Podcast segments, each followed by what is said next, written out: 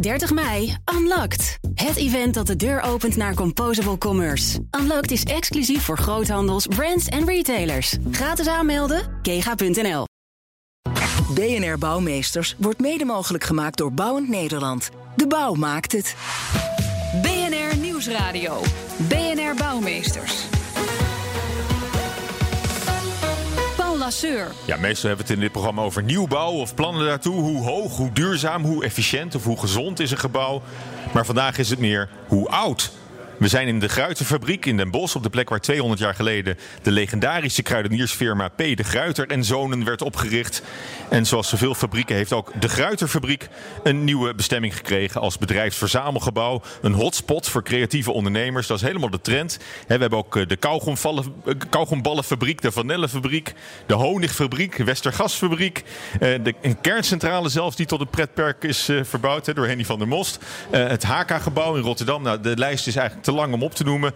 Elke stad of dorp heeft wel zo'n omgebouwde fabriek, lijkt het. Je vraagt je wel eens af of er wel genoeg creatieve ondernemers zijn om al die hotspots op te vullen. En dat is een vraag die ik aan mijn gasten ga voorleggen. Een daarvan is eh, Maarten de Gruiter. Een uh, achter-achterkleinzoon van de legendarische kruidenier, denk ik. Ja, klopt. Ja? Hoe is het voor jou om hier te staan? In, uh, waar vroeger dan de, de fabriek was voor de levensmiddelen. Ja, heel bijzonder. Kijk, het is uh, eh, 200 jaar geleden is, die, is, is, is, ons bedrijf toen destijds opgericht. Nou, het bestaat niet meer, dus dat is op zich geen, uh, geen heugelijk feit, mijlpaal. Maar als ik dan zie hoe een gebouw wat wij ooit hebben neergezet op zo'n manier een tweede leven krijgt.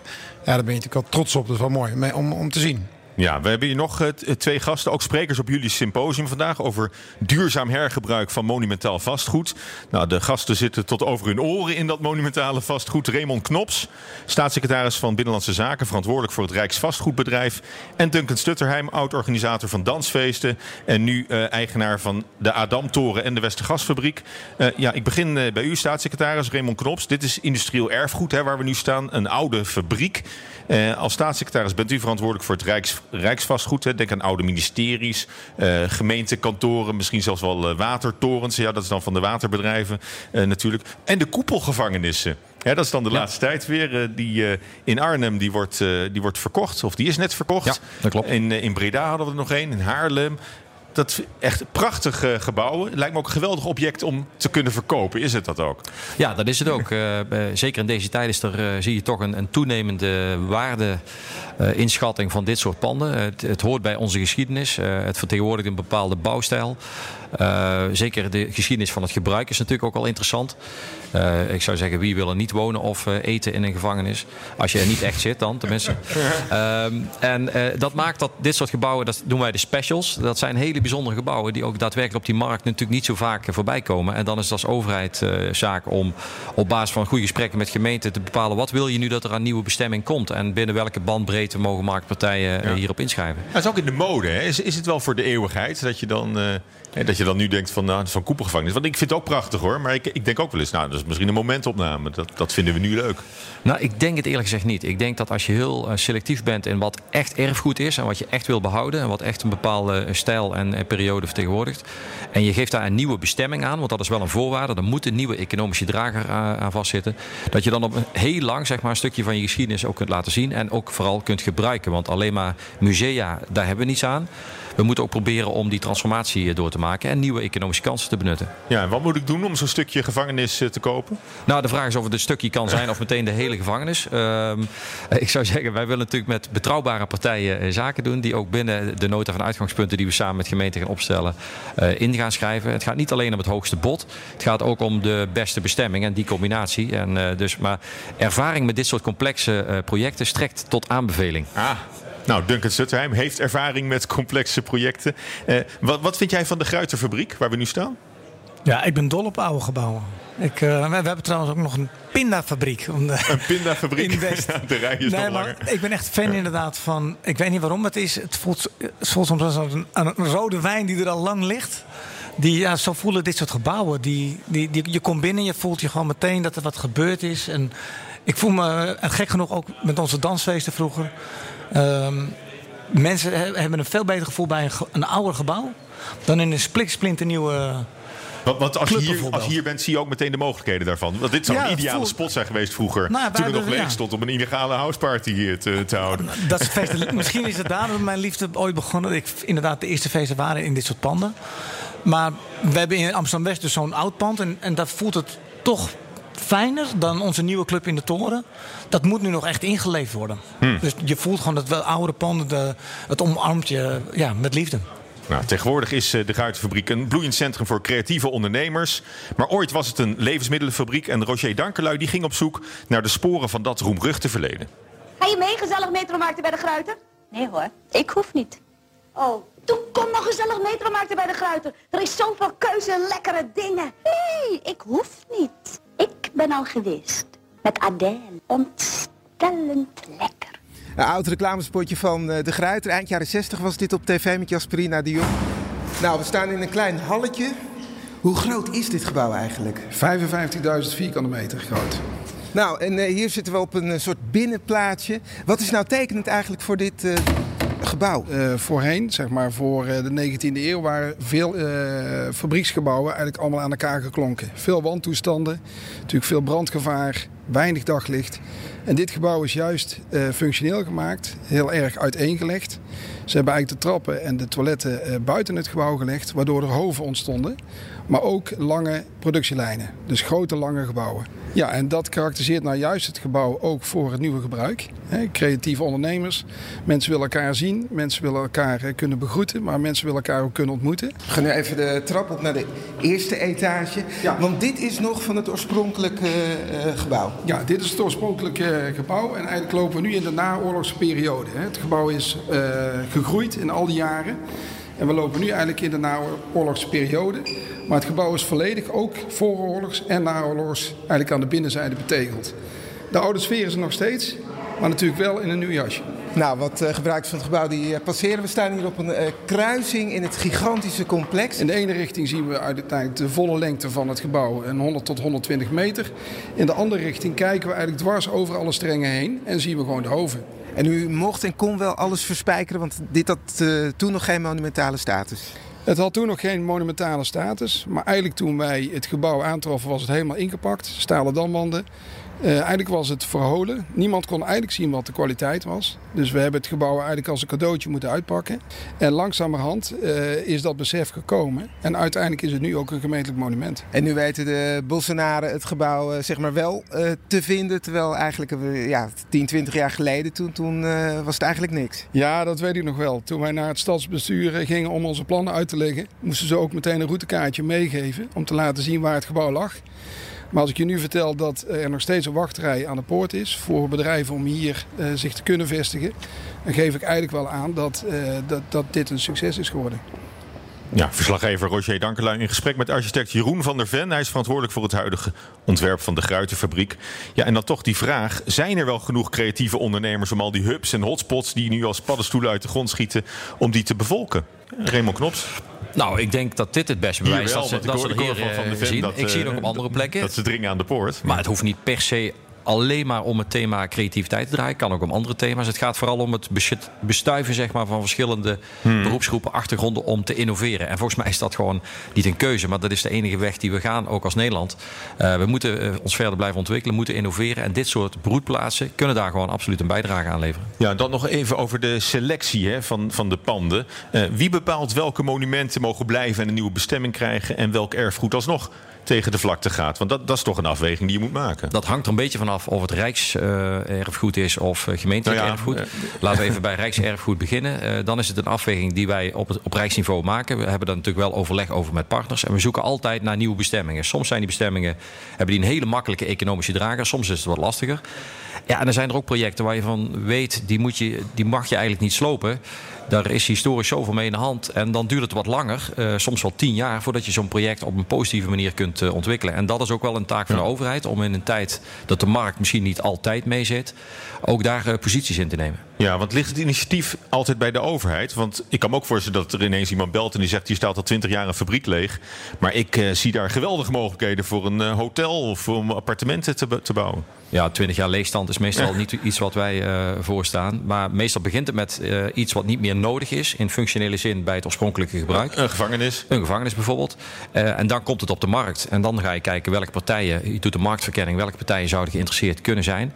En de markt helpt ook mee om na te denken over wat er mogelijk kan gebeuren. Want dat is niet een taak van de overheid om dat privaat allemaal te gaan ontwikkelen. Ja, want is het, is het iets van de laatste jaren? Want die indruk krijg je wel een beetje. Of heb je ook al wel weer wat oudere projecten die op deze manier je hebt die, die jongensgevangenis in Amsterdam ook, hè? Lloyd, Lloyd's Hotel.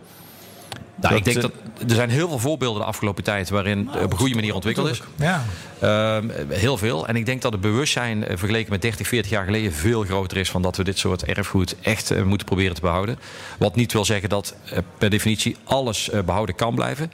Maar als je een beetje creatief bent en ook niet meteen voor het grote geld gaat, maar ook echt denkt naar nieuwe bestemmingen, nieuwe economische draagster, kan er heel veel. Nou, het gaat toch een beetje over geld natuurlijk. Ik, ik kijk ook even naar Maarten de Gruiter, die natuurlijk als nazaat het extra leuk vindt om, uh, om het oude, de oude de Gruiterfabriek uh, te, te ontwikkelen.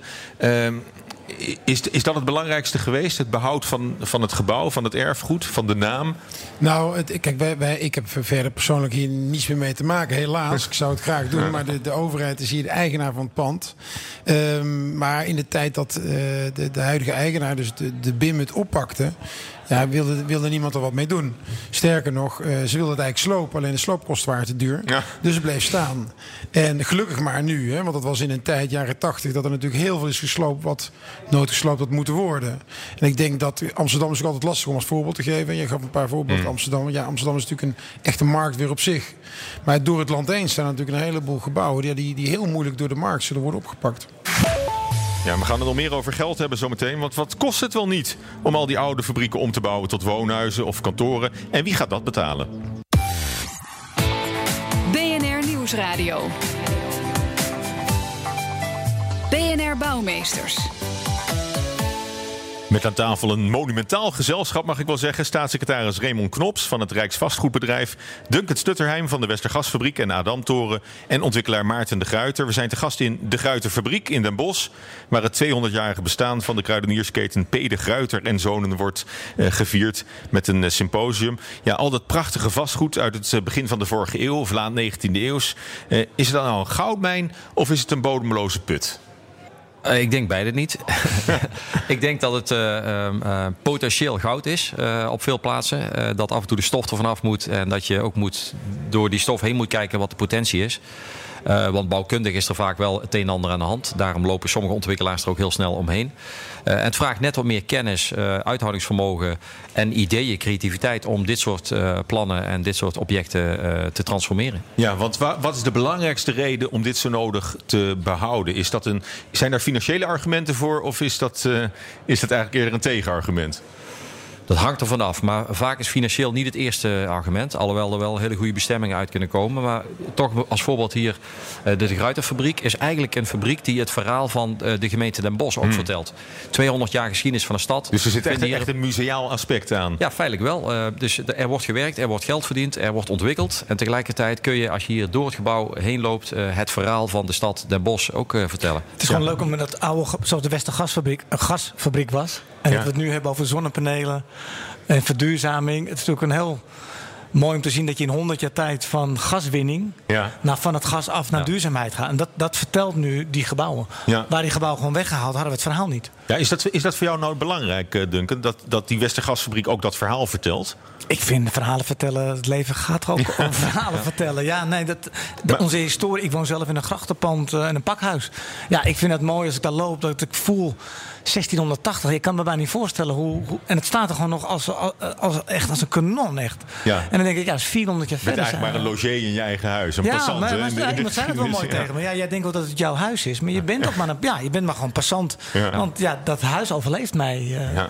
Ja, maar ik, ik, wat ik eigenlijk vroeg is, is, is de, naar de business case hè, van dit soort uh, panden. Hoe, hoe ziet die er dan uit? Nou, bij ons was wel heel belangrijk. Uh, mijn partner in de toren, uh, zijn visie was ooit een droom, een uitkijkdek. En, uh, oh, dat is er gekomen. Ja, wat wel bijzonder was. Het weegt Met schommels en al. Ja, het weegt 500.000 kilo. En het is gewoon boven op het bestaande gebouw. Dat is Nou, ook dat draaiende dat hotel. hoef, dat hoef je eh, bij of, eh, bestaande restaurant. bouw niet te vragen of Ja. we 500.000 kilo erop kunnen hijsen. Het was zo goed gebouwd, zo solide. En dat maakte wel de business case rond. Want dat- met die huur konden we het hele exploitatie rondkrijgen. Hmm. Op een betaalbare prijs. En ik denk dat dat voor ontwikkelaars of ondernemers zoals wij... het moet wel ergens natuurlijk rondgedraaid kunnen worden. Ja, en wat moet het dan uiteindelijk worden? Eh, Zoek je naar een evenementenlocatie of appartementen of bedrijfsverzamelgebouw? Of Nou, maakt dat dan niet eens zoveel uit? Ja, ik zelf zit niet in de. Wij, wij hadden gewoon een, een, een idee van 24 uur festivalgebied. Dus wij hebben een hotel, werken, slapen. Nou, uitkijkschommel, Het- eh, het- het studio's. leven zelf, alle aspecten. Ja, nou, dat, zo hebben wij het, dat was de, brain- Ja. de eerste brainstorm. En zo werd het plan ingediend. En toen kwam het rond. Ja, maar eigenlijk begin je, begin je aan de verkeerde kant hè, met redeneren. Want er is een gebouw en dan moet je maar net een ondernemer hebben die daar wat in ziet. En dan begint eh, te, te bedenken, dat zeg je ook, we zijn gaan brainstormen. Wat, wat kunnen we met die toren gaan doen? Want die kwam beschikbaar. Ja, maar wij voelden wel meteen die toren moet blijven staan. Wij hebben niet, niet een minuut gedacht dat ding moet weg. Dus wij voelden echt ook, ja, dat ding dat moet blijven. Ja. Ja, ik, ik vind ze ook prachtig hoor. Het zijn ook de landmarks natuurlijk van een, van een stad of, of een dorp. Hè. Ook al die watertorens en gevangenissen en fabrieken. Maar wat, wat, wat kost het nou om ze, om ze te verbouwen? Hè, vergeleken met, met nieuwbouw bijvoorbeeld, li- lijkt het mij nog een hele, hele uitdaging. Nou, dat, dat hoeft helemaal niet. We hebben bijvoorbeeld, dat zijn, hebben we het niet over monumentale panden, maar we hebben, we hebben bijvoorbeeld in de Wieboudstraat, het eh, voormalige hoofdkantoor van Parool en eh, Trouw hebben wij eh, herontwikkeld. En wij zijn juist begonnen met te, met te, met te kijken, van, dat doen we overigens altijd, van wat staat er nou en wat is de waarde, hè? dus de, de kracht wat, wat, van wat er al staat, in plaats van te beginnen met sloop. Nou, en precies zoals wat, wat Duncan ook zegt, ja, vaak zijn dit gebouwen helemaal juist dat soort gebouwen die, met, die zijn ge- om juist heel veel te kunnen eh, doorstaan. Hè, bijvoorbeeld in het Trouw en Parool, ja, daar stonden alle grote persen, et cetera. Nou, dat kon een gewicht hebben. Dus, dus er is juist in die tijd juist heel veel gebouwd ook, wat heel veel kan hebben. Maar er is in die waardoor- tijd ook wel, wel asbest gebruikt. En de, de isolatie was niet de eerste zorg van de ontwerpers over het algemeen. Dat zijn dingen, hè, ook die energieverbruik, eh, waar je nu wel als, als eerste naar kijkt. En dan is- kun je ook zeggen, ja, nieuwbouw is, eh, is, is efficiënter, voordeliger, eh, goedkoper. Ja, maar wij, wij hebben ook een boel asbest in eh, het Shell-gebouw. Dat haal je er gewoon uit. Eh, en wij hebben nu een warmte-kou-installatie. Ja, hoe, wie had dat ooit weer gedacht? Dat het van asbest naar een KW-installatie gaat in zo'n ge- gebouw. Dat vind, ik- dat vind ik echt bijzonder om te zien dat dat allemaal kan. Ja. Maar het, eh, het, het moet wel uit kunnen. Nee, nee, tuurlijk. We zijn ondernemers daarvoor. eh, maar dat is leuk aan ondernemers. Die kijken wel gewoon of het, of het wel uit kan. Nou, bij ons komt Nou ja, het goed. Maar de staatssecretaris is, is geen ondernemer. Die heeft, die heeft ook misschien een iets ander doel voor ogen met het behoud van, die, eh, van, ja, van het Rijksmonumentenbestand. Nee, ik ben geen ondernemer in formele zin. Ik ben het wel geweest. Maar het is, het is meer de houding die je hebt van wat wil je met dat kapitaal doen. En dit, is kapitaal van ons allemaal. En dat beheer ik. Het is ook een beetje ehm, het ontwikkelen, het, het, het, het goed ontwikkelen. En, en streven niet alleen naar financieel, maar ook naar maatschappelijk rendement van bepaalde dingen. Want als je bepaalde dingen niet doet, kunnen daar ook allerlei kosten uit voortvloeien voor andere overheden die vele malen hoger zijn. En we hebben bijvoorbeeld het Hembrugterrein in Zaanstad hebben wij, eh, ja, dat hebben wij overgeleverd gekregen van, eh, van, eh, vanuit het verleden. Helemaal vervuild, niemand zag er meer iets in. We zijn aan begonnen.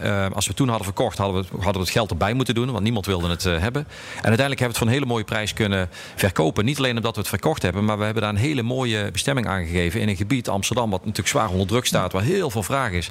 En in de overloop creëer je daar een gebied met heel veel groen, heel veel natuur. Ja, fantastisch. En dit vind ik nou een heel mooi voorbeeld. Ja, dat heeft wel meer dan tien jaar gekost. Dus Ja. eh, niet elke ontwikkelaar zal zeggen: ik ga eens even tien Ja. jaar eh, ontwikkelen en eh, geen perspectief op rendement. En dat kan de overheid soms wel. En dat, dat is ook onze rol. Maar, maar u zegt ook van we beheren dat, dat kapitaal, want het is, is van ons allemaal. Ik kan me voorstellen dat, dat de bevolking daar ook anders tegenaan kan kijken. Er gaat ook belastinggeld naartoe, zelfs uit, uit Brussel. is er ook subsidie voor mij ook in deze de Gruiterfabriek eh, gekomen voor de, voor de ontwikkeling daarvan. Eigenlijk subsidieer je bedrijfshuisvesting. Nou, ik zie dat anders, want cultureel erfgoed is iets wat van ons allemaal is. En eh, het hoort ook bij onze identiteit. Het hoort bij Nederland, het hoort bij onze historie. En dat verhaal moet verteld eh, blijven worden. En natuurlijk moeten we niet eh, alles dicht duwen met subsidies als het niet op zichzelf rendabel is. Maar om een stukje onrendabele top af te financieren met subsidies, daar ben ik heel erg voor. Want uiteindelijk krijg je een soort vliegwiel-effect. En zul je zien dat de bedrijfjes die hier zitten, die worden groter, levert werkgelegenheid op. Ik, in economische termen heb je er echt een hele goede business case. Daar ben ik van overtuigd. En daar dragen juist die, die monumenten heel erg aan bij? Ja, omdat je zit niet in een anoniem gebouwtje waar er zoveel van zijn. Je zit hier op een plek waar je gewoon eigenlijk de erfopvolger bent van degene die hier 200 jaar geleden aan het werk waren. Eh, en de, het gebouw vertelt de geschiedenis, maar eh, wij werken in onze toekomst. Dus het is een soort doorlopende ja, historische lijn uh, die wordt voortgezet. Volgens mij kunnen we er ook wel van leren. Als je nu de Vermellenfabriek, Westergasfabriek, deze... De naast de kauwgomballen. Nou, nou, ja, nou, het zijn wel allemaal ja. kennelijk voorbeelden dat het werkt. Nou, ja. Ik hoop dat de overheid ook ja, daar een rol in kan spelen. Dat we al die kennis verzamelen. En dat het weer gedeeld kan worden met dan inderdaad gemeentes die niet in de, ja, ja. Uh, Amsterdam liggen, maar juist in Zwolle of in uh, dat soort steden. Nou, wat, wat nog daaraan bijdraagt misschien is dat heel veel van die monumenten op interessante locaties staan. Hè? Ik denk dat dat, uh, dat, dat ook wel het, het verschil maakt. Maar Maarten de Gruijten, wat, wat, bepaalt nou dat je kiest voor een bepaald, bepaald nou, ik denk gebouw? Dat, het probleem is denk ik juist ook dat, het op een, dat een heleboel van die gebouwen juist niet op interessante locaties staan. Ja, want daarom zei ik al, Amsterdam is moeilijk erbij te halen. Dit, dit pand, dit, dit gebouw, 55.000 meter. Um, stond uh, zeker 20 jaar geleden nog echt buiten de stad. Ja, goed bereikbaar. Dat vinden we nu interessant. Vinden we nu interessant. Maar ik denk dat hier een overheid echt een hele belangrijke rol heeft gespeeld. En wat ik overigens ook interessant vind, is dat. Jij zei ook over uh, ja, zeg maar de culturele, uh, creatieve bedrijven. Maar je ziet natuurlijk dat er een heleboel. ook gewoon ja, ander soort type bedrijven. Ja. Ook gewoon. Ik bedoel, je hebt voor mij de Rabobank heeft ook een kantoor bij jou in de. Om die op een andere manier willen nadenken. Of cultureel. we hadden het hier over Farming City, toch? Ja. Nou, dat, mm. dat dit wordt dan creatief genoemd. Maar, maar eigenlijk is het gewoon. Die, die verticale boerderijen. Ja, maar het is een nieuwe vorm van landbouw. Ja, dat noemen wij nu creatief. Dus het woord creatief is al een heel breed uh, begrip geworden. Mm. Ja, maar goed, maar het, het kan ook helpen om, om een locatie juist tot, uh, tot bloei te brengen. Zoals Amsterdam Noord waar die Adamtoren dan, uh, dan staat. Dat is ineens volop in ontwikkeling. Ik denk dat die to toren daar ook een belangrijke nou, mate aan bijdraagt. Hij was de grote voorloper. En mede dankzij de gemeente met het lef om ja. dat neer te zetten. Wij dan met het nou, stukje lef nummer twee erachteraan. Ja, en, en, en toen is er iets ontstaan. Ja. Uh, de Van de Pekbuurt was bijna gesloopt.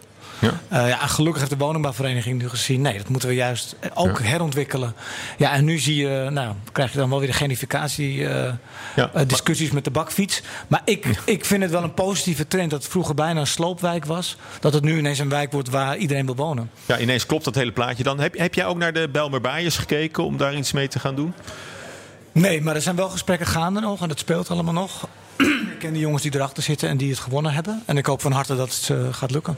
Oh, dus dat, dat, kan dan ook uh, interessant zijn? Uh... Ja, die zijn ermee bezig. En uh, ja, dat, ja, dat okay. speelt nu allemaal. Dus ja, je ziet dat, dat een omgeving ook een hele boost kan krijgen van zo'n van zo'n monument. Dat wordt, wordt herontwikkeld. En daarom is het ook heel belangrijk. Ook als wij dat, dat is ook echt een aspect voor, voor de Rijksgebouwdienst. Ja, want je wil natuurlijk dat er een bestemming komt die ook gedragen wordt. Het moet niet zoiets zijn van we zetten er iets neer omdat het er mooi uitziet. Maar moet, het moet gedragen worden door de omgeving, door de gemeente. Um, en die, dat moet passen binnen hun visie en hun plannen, maar ook het bedrijfsleven. Dus wij zijn als Rijksvastgoedbedrijf ook steeds meer en heel intensief moet ik zeggen. En ook heel goed gaat dat met gemeentes en private partijen in gesprek. Dus de, die scheiding tussen markt en overheid die vervaagt in zekere zin omdat je een soort gemeenschappelijke doelen uh, formuleert. Ja, en, en juist die gebouwen die, die, uh, die spelen daar een belangrijke rol in. Absoluut. Ja. Nou zijn we bij het symposium 200 jaar de Gruiten met als thema duurzaam hergebruik van monumentaal vastgoed. We hebben kerken, fabrieken, scholen, watertorens, gevangenissen. Wat is nou een gebouw, even ter afsluiting, waarvan je denkt dat mag overal ter wereld staan. Dat zou ik wel willen ontwikkelen de komende jaren. Dat is echt waar, waar we het nu over hebben. Duncan. Poeh. Um, ja, het moet in Amsterdam staan. Jeetje. Dat... nou, dan zou ik de, de raai weghalen en iets uh, compleet. Uh, ja, ik vind nieuwbouw, de toch nieuwbouw. Ja, ja, op een andere manier. Ik vind de, de maar best wel. In zijn, in zijn lelijkheid is dat, is dat ook een monument. tegen de stad. Uh, de, de, nou ja, ik denk dat dat soort congreshallen wel iets verder de stad uit zouden kunnen. en dat we die ruimte hard nodig hebben voor andere ja. dingen. Maarten de Guiter. Nou ja, de Tweede Kamer, dat was, had ik wel leuk gevonden als we daarvoor hadden gebeld. Ah, die heb je niet gekregen. niet gekregen. Die gaan we hergebruiken. Dat ja. was, uh, en Raymond Klops, tenslotte. Wat, wat, wat, is nou een gebouw wat, uh, wat je graag in de portefeuille zou hebben gehad? Om, uh, ja, ik ben vooral bezig met afstoten. Dan stel ik hem een beetje anders. Ja. Wat is uw persoonlijke lievelingsgebouw? Nou, ik vind de Tweede Kamer, ja, dat is toch jammer voor Maarten dan, maar dat vind ik al een heel mooi gebouw. Ik heb er jarenlang mogen werken. En uh, ook daar uh, loopt onze geschiedenis natuurlijk honderden ja. jaren doorheen. Dat hele Binnenhof is, een, ja, dat is eigenlijk de, de plek waar je de geschiedenis van heel Nederland kunt vertellen. En het heeft die maatschappelijke uitstraling en, en ja. functie natuurlijk in onze samenleving. Ik wil jullie hartelijk danken voor de bijdrage aan dit, aan dit gesprek. Raymond Knops, staatssecretaris van Binnenlandse Zaken, verantwoordelijk voor het Rijksvastgoedbedrijf. Duncan Stutterheim, oud-organisator van Dancefeesten, nu eigenaar van Adam Toren, de Westergasfabriek. En Maarten de Gruiter, nazaat van de gelijknamige kruideniersketen en mede-eigenaar van ontwikkelaar Boelens de Gruiter. Dank jullie wel. BNR Bouwmeesters wordt mede mogelijk gemaakt door Bouwend Nederland. De bouw maakt het. 30 mei, Unlocked. Het event dat de deur opent naar Composable Commerce. Unlocked is exclusief voor groothandels, brands en retailers. Gratis aanmelden, kega.nl.